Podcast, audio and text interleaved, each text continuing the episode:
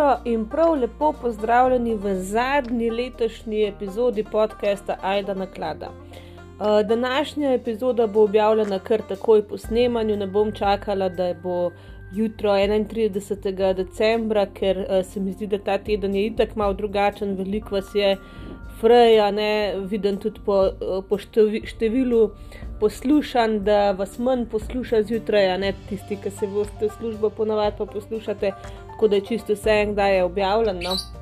Ampak današnja tema uh, bo zelo primerna za konec starega leta. Uh, sem kar malo razmišljala, če bi sploh snemala danes, ker uh, imam dosti drugih upravkov, ampak sem rekla, bo ena epizoda malo krajša, tako da zaključimo to leto, da vam voščam, pa da začnemo z novim letom ponovno. Uh, Noč ne bo kaj groznega, tako kot ponavadi, je pa zelo tako, no, mind, da ne rečem kaj, uh, zelo, zelo nam lahko da misliti to, o čemer se bomo danes pogovarjali. Pa kar začnimo.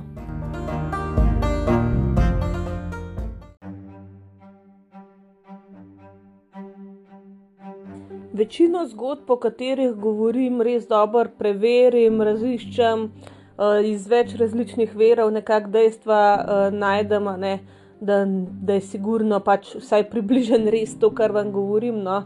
Uh, sicer ja, nekje so pač stvari tudi odvisne od same interpretacije, ampak vse veste, kaj mislim. Ampak današnja zgodba je v tem uh, smislu mačkan drugačna, uh, ker jo je težko oziroma ne mogoče čist preveriti. Um, videla sem jo že večkrat na YouTubu, pri raznih YouTuberjih, ki so jo pač predstavili, drugače bil pa to en Reddit zapis, ki je kar zelo krožil nekaj let nazaj, ker je hotel biti pač uh, avtor anonimen, seveda ne vemo, kdo to je. Uh, pol, ko boste zgodbo slišali, boste mogoče tudi razumeli, zakaj ne želi, da bi to vedeli. Uh, sem pa nekako izbrskala, da je ime avtorju uh, tega zapisa Mič. Uh, pa gremo kar uh, na zgodbo. No. Pač uh, Mič ne, je hodil na nek količ, uh, ni povedal na katerega, in je uh, zadnji semester v bistvu obiskoval. Um, v glavnem, uh, ko je bil tam na koledžu, no, je spoznal res tako čudovito uh, punco, ki je bila res takoj, uh, takoj mu je bila všeč, ampak ni šlo vse čist po maslu, ne, da je več mesecev nekako uh, jo osvajal, skušal dobiti v narekovajih, ne, da je neki, uh, neki bivših njenih fantov mogel odgnati, uh, oziroma nekaj drugih uh, tipov, ki so pač uh, isto hotel njo umetno, ampak na koncu je le nekako um, sta prišla skupina. Uh, dve leti sta bila par in potem sta se poročila, in uh, zelo kmalo po poroku mu je rodila hčerko. Uh, ker je imel on zelo dobro službo, uh, ženi ni bilo treba delati, no, tako da um, je ostala doma, je skrbela za družino, in ko je bila uh, pač ta mala punčka, ne dve leti stara, je pol uh, žena rodila še sina. No, in da uh, ta sin je bil res uh, oba otroka, no, da sta bila tako največja sreča njegova, no, odmiča. Um, ženi je bilo pa ime Kejla. Um, v glavnem, da Miču sta bila te dva otroka največja sreča, da vsak jutr, preden je šel v službo, je šel v uh, njuno sobo, jo je objel po lupčku, preden je šel. Um, v glavnem, ja, tako no, ena taka srečna družina, res je bil srečen v tem in v zakonu, in v službi, vse mu je šlo kot po maslu. No, in nekega dne je on prišel pač eh, domov iz službe, pol po večerji, on se usedel na kavč, prežgal televizijo. In uh, tam v dnevni sobi je bila neka luč, ne, uh, ta stoječa, se mi zdi kot za brata. Um, in je rekel, da v bistvu se mu je tako s kotičkom očesa zdelo, da je ta luč nekaj čudna. Um, in polon gleda, pa se mu je zdelo, da okay, je to pa res čuden, da vse v tej dnevni sobi je bilo pač normalno, samo luč je zgledala, da ni 3D, no? da je bila dvodimenzionalna, da je neki čuden svetla, pa šel zraven. uh, pogledate, je vse v redu, ki je prišel blizu, je pač ok, videl, da je zlučil vse v redu. No? Uh, tako da, ja, noč tacga. No? Uh, pač malo se mu je čuden zdel, ampak prav, ne si je mislil, da sem utrujen ali pa me malo glava boli ali pa sem eno pivo preveč pil. Se vemo, včasih se nam kakšna stvar malo čudna zazdi. On je kar to tako malo rekel, eh, pozapane. Ampak on ni mogel na to čist pozabiti in je postal s to lučjo čisto obseden, uh, da je tam sedel, uh, bulil v to luč, celo noč je bulil, bulil v to luč in razmišljal, pač, kaj je narobe z njim, pa kaj je narobe s to lučjo. Ni šel na, v službo naslednji dan, uh, ker pač se mu je tako čuden to zdelo. Pol je nehal uh, jesti, ni mogel niti jesti. Na začetku je samo še to kustal z tega kavča, da je šel na WC, pol tudi na WC več ni hodil, ker ni ne jedel, ne pil, ni rabo jedel in uh, da je v to luč tri dni strmel. Pol je pa žena rekla, da ok, zdaj pa res, uh, da je pa to tumač, da, da je nekaj narobe. Ne? Oni so mislili, da, da ima kakšen tumor ali neurizmo ali kar koli, pač neki z možgani narobe, da pač mu neki. Čuden se zdi, ne? No, in je pol ona rekla po treh dneh, ok, ne, zdaj pa, zdaj pa konc, uh, da bom pa jaz poklicala pač ali zdravnika, ali reševalce, ali pač nekoga, da pride, to ni več normalno. Ampak v tistem uh, je v bistvu kar začel malo kukar zgubljati zavest, zgubljati zavedanje v, v svoji okolici. No, in um, ona ne, je pol rekla, ok, ne, ne, to, to je pa, pa, zdaj pa to pa tu mač. Odpeljala je otroke uh, svoji mami, zato da bi pač ne pol prišla nazaj, pa ali ga peljala na urgenco ali kar koli. Uh, ampak v tistem, ne, je začela ta luč, ko je ona pač šla, je začela ta luč rast, uh, se širiti, poglabljati nekako, uh, in kar naenkrat je luč nekako celo sobo zauzela. Uh, in uh, v tistem je on vse, kar je videl, videl rdeče barve, začel je slišati neke glasove, neke krike, čudne res glasove, in začel ga je blazen, blazen bolet. Res, res bolet, tako pač neverjetna bolečina. In ta prva stvar, ki je o tistem rekel, nimam zob. In on odpre oči in je ležal na hrbtu, na uh, pločniku na koledžu, okrog njega so bili kar eni ljudje, ki jih pač sploh ni poznal. Uh, čist so bili vznemirjeni in on je bil čist zmeden, čakaj, kje sem zdaj, kje je hiša, kje je tista luč, kaj se z mano dogaja. Ne? In kar naenkrat se od nek uh, pojavi nek policist, ga dvigne, ga podpira, ne, mu pomaga, pač, da je kar tok hodil do policijskega avta, ga on kar naloži in sireno z lučkam odpele takoj na urgenco, niti niso v bistvu čakali na uh, rešilca in uh, so mu naredili takoj CT glave in vse sorte. In kaj so na koncu ugotovili?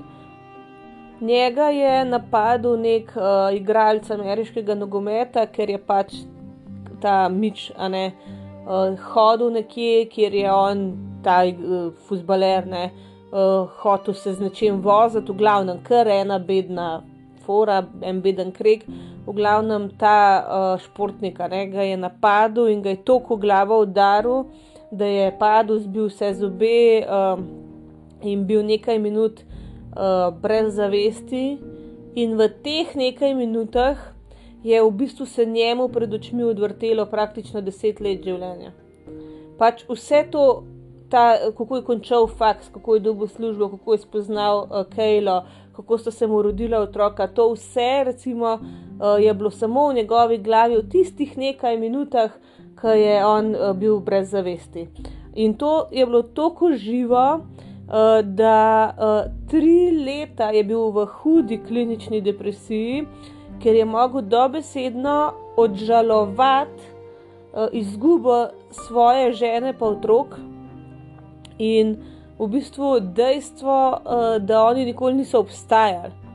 A ne pač uh, skrbel ga je pol, da se mu bo pač po domače rečeno zmešal, da bo zgubil čist uh, stik z realnostjo, ker je, ker je pač jokal zvečer, uh, ko je šel spat, uh, v sovzah je zaspal.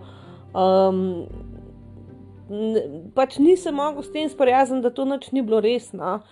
Um, upal je, da jih bo vsaj v sanjah videl, ne? da bo pač v sanjah nekakih srečal, ampak nikoli, um, nikoli niso se srečali niti v sanjah.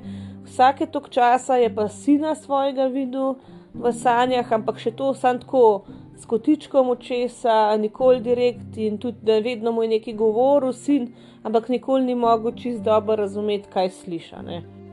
No, zdaj to je to, kar mi vemo v tem primeru. On je pač, ja, uh, rekel pol, no, kasneje se je še javil, da mu je ogromno ljudi pisali, ki so imeli podobne, a ne izkušnje, uh, ampak enostavno, ja, to je to.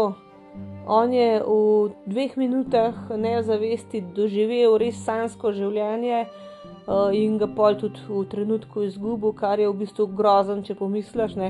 To je tako, kot uh, recimo, da si v tem trenutku res srečen, zadovoljen s svojim življenjem in da tako v trenutku, da se zbudiš in, in nič več ni res. Ne. To mora biti obupno. No? Uh, in to je res ena zgodba, ko sem lahko kaj, kaj mislim.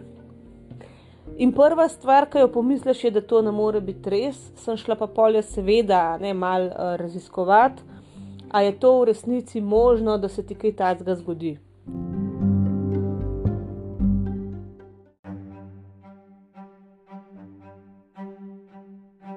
No, s podobnimi izkušnjami so, se mnogi od nas srečamo, kadar sanjamo res take uh, realistične sanje. Ne? S tem, da pri sanjah je ponavadi res eno krajše obdobje sanjamo, ampak sigurno si predstavljate, kako je včasih se ti neki tako živo sanja, da ko se, ko se zjutraj zbudiš, nisi prepričan, kaj je res, pa kaj ne. ne? Ampak ker si se pač ti zbudil, pol pozab, počas pozabaš, kaj se ti je sanjal. To tudi vemo. Pravijo, da če takoj v recimo nekaj minutah, sekundah, kako koli, uh, potem, ko se zbudiš, če ne zapišeš ali pa poveš svojih sanj, da jih načeloma pozabiš. Uh, jaz to sem ugotovila, da je v resnici pač, da v resnici drži, ker velikrat se mi kaj sanja, pa pomislim, takoj, ko se zbudim, ne, pomislim, joj, to moram pa povedati Mataju, recimo, ampak če ne naredim tega takoj, pa že ne vem več točno, kaj sem jaz sanjal. Ne.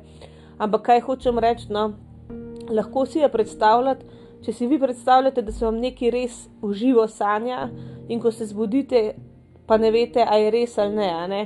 Pač tako je bilo pri njemu, s tem, da pri njemu je bila izkušnja še toliko močnejša.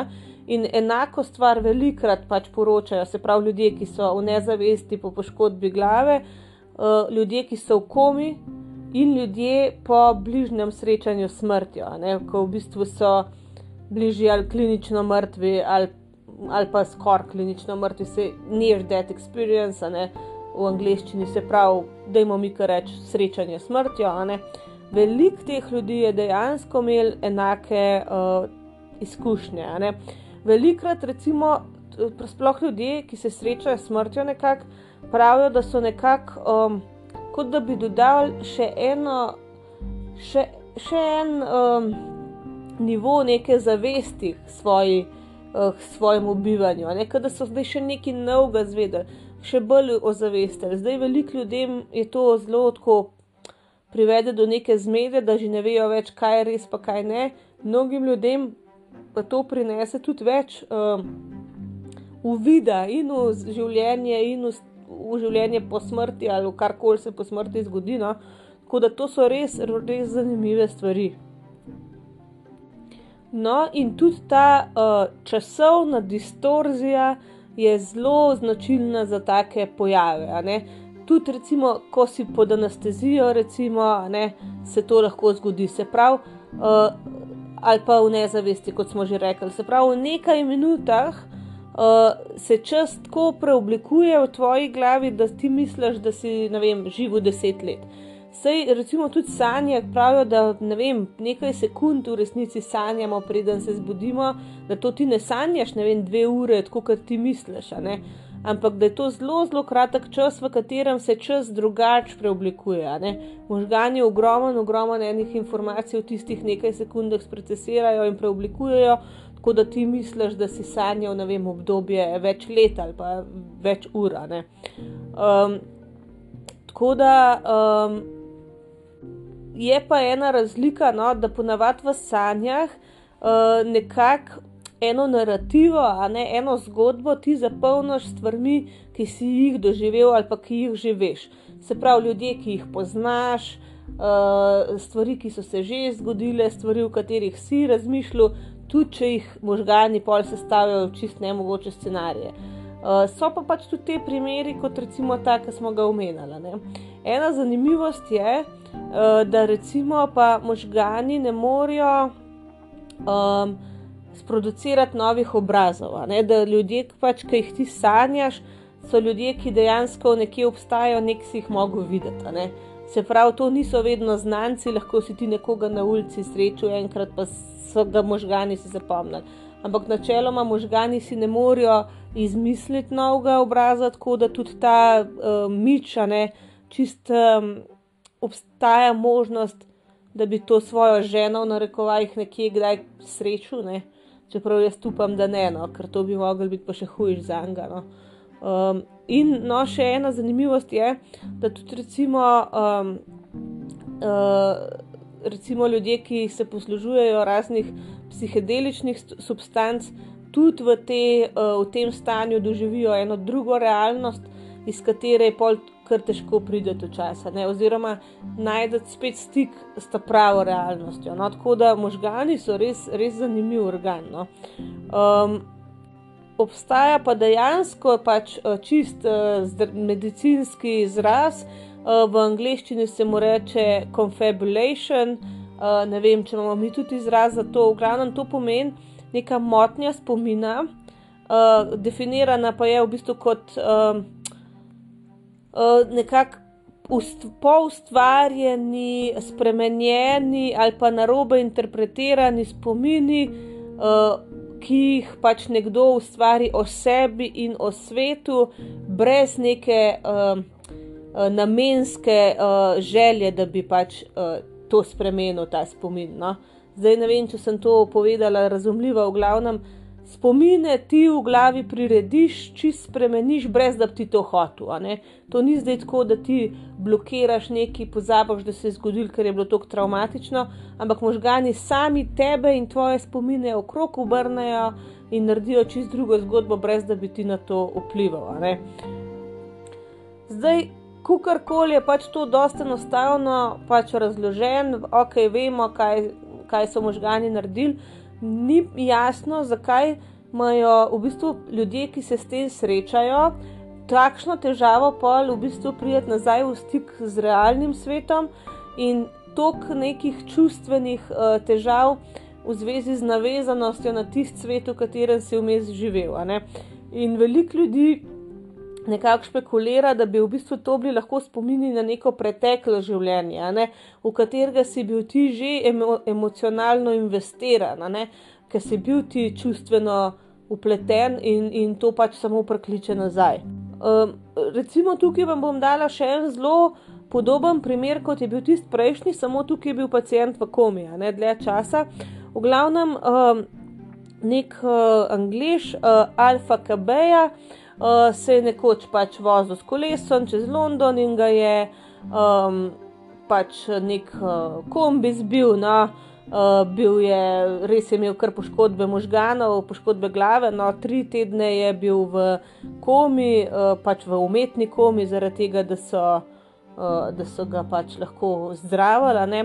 No, in on je v tem času dobil neko idejo, pač možgani so sproducirali uh, neko idejo, da je bil on takrat uh, na poti domov z nekega zelo uspešnega intervjuja, kjer je, bil, uh, kjer je mu je bila ponujena služba asistenta, uh, direktorja nekih operacij od uh, MI6, ne, to je ta angliška Secret Service, ne, se pravi tajna služba. No, in uh, on je tudi uh, verjel, čist verjel, da je pač njegova žena pričakovala dvojčka, da bi mu uh, ima dala ime uh, Skype Nikita. Uh, tudi uh, bil je prepričan, da ima pač uh, njuno uh, sliko z uh, ultrazvoka, a ne tisto sliko, ko naredijo s sabo, a ne uh, vse čas pač pri sebi. No? Uh, in uh, tako, naj bi se še celo, uh, naj bi še celo po Skypu se pogovarjal. Uh, z ženo, ker je bila ona ta čas uh, v Franciji na počitnicah. Pač on, ko so, um, ko so ga zbudili, On se je tega uživo spomnil, ampak ne spomnil, joj, kaj se mi je sanjal. On se je tega enako spomnil, kot se mi spomnimo stvari iz, iz otroštva. Pač on, on se je isto spomnil stvari iz svojega otroštva in tega na isti način. Tako da um, ne, ne vejo pač kako uh, in zakaj, ker to so bile res čist pa ustvarjene zgodbe, ki se v resnici niso zgodile in so uh, zdravniki rekli, no, da, v bistvu, da so v bistvu njegovi možgani um, skupaj zlepili uh, spomin s tem na novo ustvarjenim spominom, glede na stvari, ki so se uh, v njegovem življenju dogajale pred to nesrečo. Um, recimo njegovi prijatelji, dva prijatelja njegova sta dejansko pričakovala dvojčke, on je res hotel začeti neko uh, službo v neki državni agenciji. In uh, v bistvu njegovi možgani so njegove spomine z nekimi podzavestnimi željami uh, skupaj zleple in, in naredile novo zgodbo. Tako da to so recimo zdravniki nekako predvideli, da bi se lahko zgodili.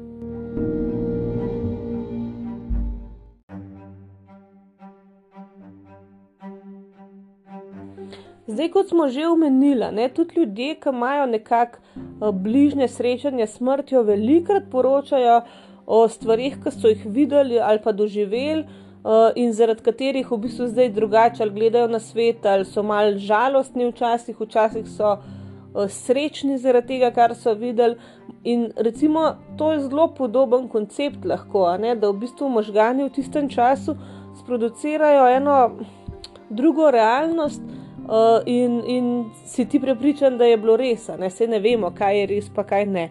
Ampak o, o tem nekakšnem življenju po življenju, ne o teh ljudeh, ki so se vrnili nekako eh, iz, uh, iz tega, ki so bili klinično mrtvi, uh, je veliko v svojih uh, knjigah pisal dr. Raymond Moody. Uh, on je psiholog, ne.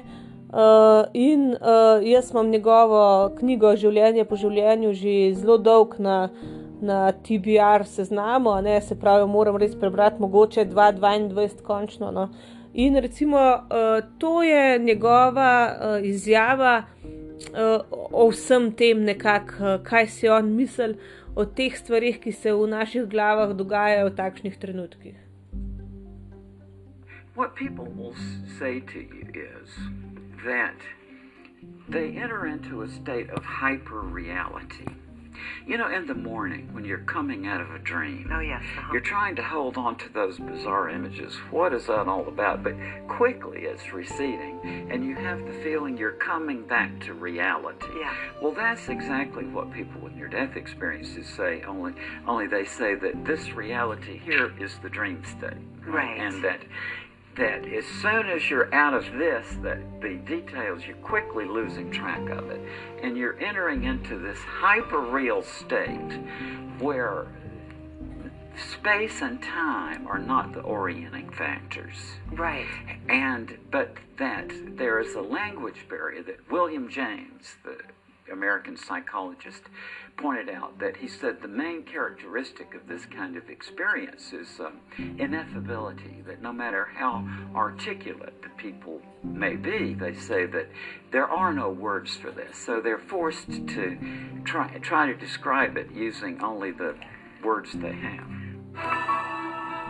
Ja, a ne, tukaj je v bistvu on govoril neki uh, hiperrealnosti, uh, kjer, uh, kjer se pa ta življenje, ki ga mi živimo, v bistvu zdi kot, kot da so to sanje, ne? kot da to ni resnično. Tako da tukaj je res en kup enega.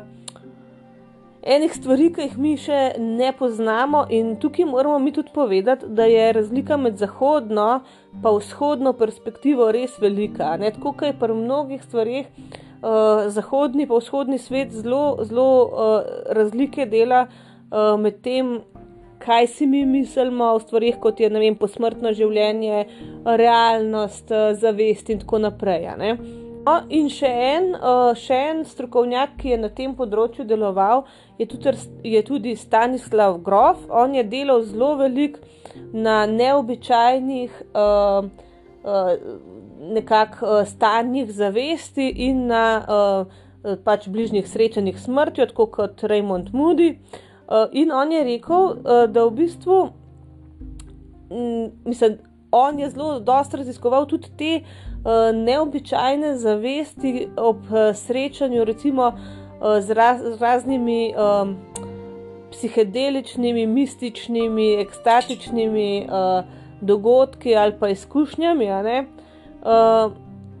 v glavnem ljudje izven te zahodne kulture se tega velikrat poslužujejo. No? Tako da to niti ni bilo tako neobičajno, da je on raziskoval. Um, in uh, on je rekel, da v bistvu, če ti gledaš skozi oči neke kulture, ki ima zelo bogato zgodovino v nekem misticizmu, v šamanizmu ali pa v mitologiji, ne, uh, so ta paralelna življenja, ki jih ti haluciniraš ali pa sanjaš, uh, zelo bolj pomembna. Ne. In uh, grof je v bistvu rekel, da če se naveže na, uh, na od Karla Junga uh, teorijo o uh, kolektivni podzavesti, se pravi ta neka univerzalna psiha, stvari, ki se v našo kolektivno podzavest nalagajo skozi leta in leta in jih pol mi ne vede ponotranjimo, je on v bistvu rekel, da se mu zdijo te neobičajne. Eh, recimo zavesti, ne, ta neobičajna stanja zavesti, uh, povezana z neko transpersonalno uh, izkušnjo. Se pravi, uh, da se mi v tem času nekako. Da se povezujemo z drugimi ljudmi, ljudmi, z drugimi realnostmi in z drugimi podzavestmi, v katere smo dejansko pač, ne, povezani skozi zgodovino, in tako naprej. Uh, tudi kar je on pač eh, povedal, je to, da v teh neobičajnih stanjih zavesti je čas zelo bolj fluenten, se čas bolj nekako spremenja, pa, pa, pa meša nekako, ne? ker mi v tem stanju, ko živimo pač tukaj in zdaj. Za nas obstaja samo sedanjost, ne preteklost je šla, prihodnosti še ni, eh, lahko se spominjamo preteklosti, ampak živimo pa samo ta trenutek, ki je zdaj. Medtem ko recimo v teh neobičajnih stanjih zavesti, pa mi lahko ponovno doživimo naprimer, neki čisti zgodovine ali pa en trenutek iz našega življenja, vse se mal, mal pove, pomeša, tako da uh, zaradi tega pol tudi pride, pride do vseh teh uh, nerealnih stanj, pa nerealnih misli. Prav tako pa on pove v bistvu, da to, ne, ta. Um, prepričanje, da recimo uh, vse naše mišljenje in naša zavest izhaja iz nekih uh, povezav med nevroni, da to možgani naredijo, da to v bistvu obstaja samo zdaj v tem svetu, ki je res materialistično naravnan. Uh, mislim, ne materialistično v tem smislu, kot to besedo poznamo, materialno v smislu oprijemljivo, a ne vse, kar je oprijemljivo, nam nekaj pomeni, ne? uh, materiali, stroji in tako naprej. Da, recimo, pred to industrijsko revolucijo so pa ljudje vedno vedeli, da v bistvu uh, zavest ni vezana samo na možgane, ne misel, miselni procesi, da niso vezani na možgane. To je v bistvu bolj tako kot prepričanje, da duša po smrti recimo ne umre. Ne? Uh, in uh, poslušamo zdaj v bistvu o, o njegovo izjavo glede tega. in the West, we have uh, the image of uh, human nature, uh, which is uh, formulated by materialistic science, which means you know, we are material bodies, we have a brain, uh, consciousness is a product of the complexity of the neurophysiological processes in the brain. And that means when we die, the brain dies, and that's the absolute end of, of uh, consciousness because all the pre-industrial cultures and ancient cultures uh, seem to agree that that's not the end of the story. That uh, sort of existence uh, in some form uh, continues.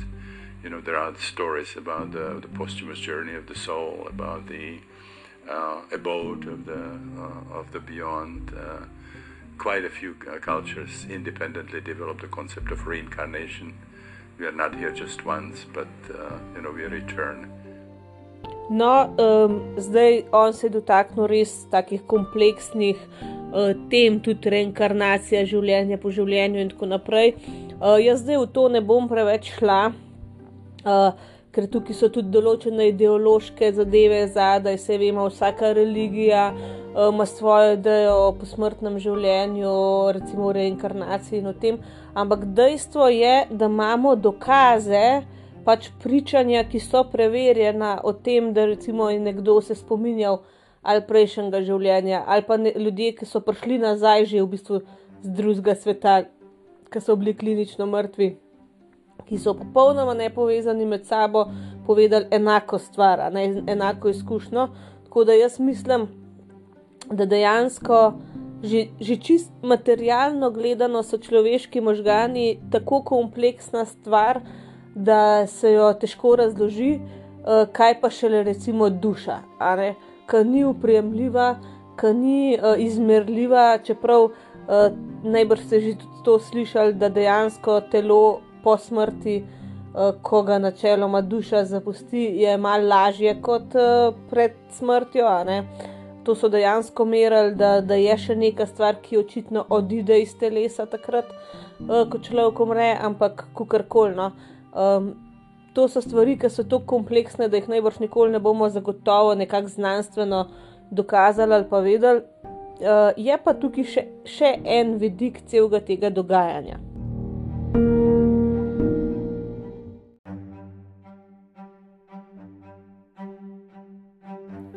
Uh, in sicer paralelna življenja.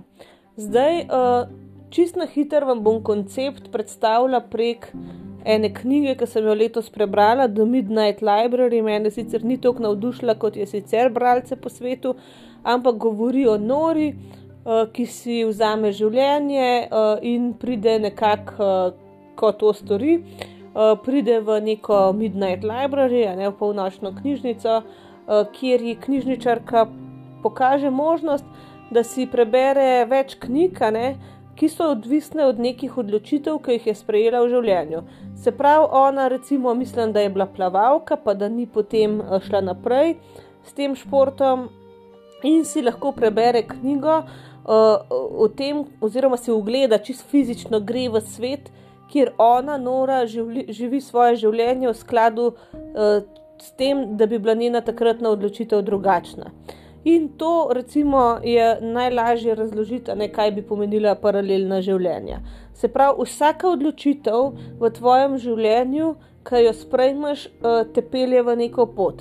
In če bi ti spremenil pač en del te odločitve, eh, bi bil tvoj življenje mačken drugačen. Recimo, če bi se upisal na drug faks. Če bi vzel drugo službo, če bi si izbral drugega partnerja, če bi vstal z nekim partnerjem ali pa zapustil enega. A ne pač vse to so kar velike odločitve, kar sem zdaj naštela. Ampak ja, pač. Uh, Vsaka odločitev naj bi ustvarila neko paralelno življenje in to življenje naj bi v neki antimateriji obstajalo. Se pravi, ne obstaja zdaj nek ena ajda, ki, študir, ki je študirala zgodovino, pa je zdaj ne vem, delal v McDonald'su, ker ni dobila službe, ampak uh, pač neka ne, nematerialna verzija tega pa obstaja. Ne? In to so paralelna življenja, ki pač ti kot ta 3D človek, ne, eh, pa živiš to življenje, ki ga živiš. In da v teh drugih stanjih zavesti naj bi se tvoja zavest včasih um, povezala z tistim življenjem v nekem paralelnem svetu. Ne? Zdaj to je najbrž ful težko razumeti, tudi meni je to težko pač um, razložiti. No? Ampak ja, um, nekako temu se reče nadduša, ne? je naša na, nadzavest, ne? nekaj, kar vsebuje vsa ta paralelna življenja, vse te paralelne jaze, ki jih vsak vseb skriva. Se pravi, jaz, če bi šla študirati zgodovino, pa bi, pa bi spoznala tam, ne vem, enega drugega človeka, jaz, če ne bi, ne vem, to pa to ne vem, ne znam vam razložiti, ampak v glavnem v takih uh, stvarih, recimo tudi v sanjah, naj bi se v bistvu um, izkušnje povezale čist interdimenzionalno. Se pravi, med različnimi dimenzijami, med različnimi uh, paralelnimi življenji, naj bi ti v sanjah tudi preska preskakoval. Tako da, če se ti kdaj kaj takega zgodi, da si misliš, čak v kjer mu vesolju bi se pa to meni zgodilo, ja, pač v enem drugem. Tako da, to je še ena zelo zanimiva uh, ideja. Zdaj tukaj je res, to je tako uh, težko za razložiti, uh, pa v razmisliti se mi zdi, da ko bolj o tem razmišljaš, je kar malo skeri, pol, kar malo je grozljiv, ampak je pa vse, vsekakor zanimiva premisa. No. Tako da uh, ne vem, no, kaj pa vi mislite, v čem je fora teh čudnih sanj, v čem je fora, ne vem, teh čudnih stanj zavesti, ki se pač pojavljajo. No? Ker dejstvo je, da, da so, da obstajajo. No? Tako da, ja, dajte mi povedati. No? Um, kaj si vi mislite o tem, uh, so pa res to debate, ki so zelo, zelo globoke, ki ne moreš ti kar kar neki blekant, kaj misliš. Tukaj je treba res dosti premisliti o teh stvarih, pa še ne pridemo do dna. No. Jaz uh, zdaj tako bom rekla, kaj verjamem, pa kaj ne. Sploh nisem, kaj verjamem, še druga stvar, ampak kaj si mislim o tem, ne vem. Pač jaz enostavno, čist, če čist pustimo neko to duhovno stvar, uh, neko ne vem, duše, bla bla. Jaz mislim, da sam možgani so toliko bolj kompleksni, da mi pojma nimamo, kaj vse zmorajo, ne? kaj pa še lepo ali druge stvari, ki jih teže razumemo. No? Tako da uh, ne vem, res so mi pa zelo zanimive te, te zgodbe, sploh teh ljudi, ki recimo, uh, so doživeli kaj še bolj drugačnega.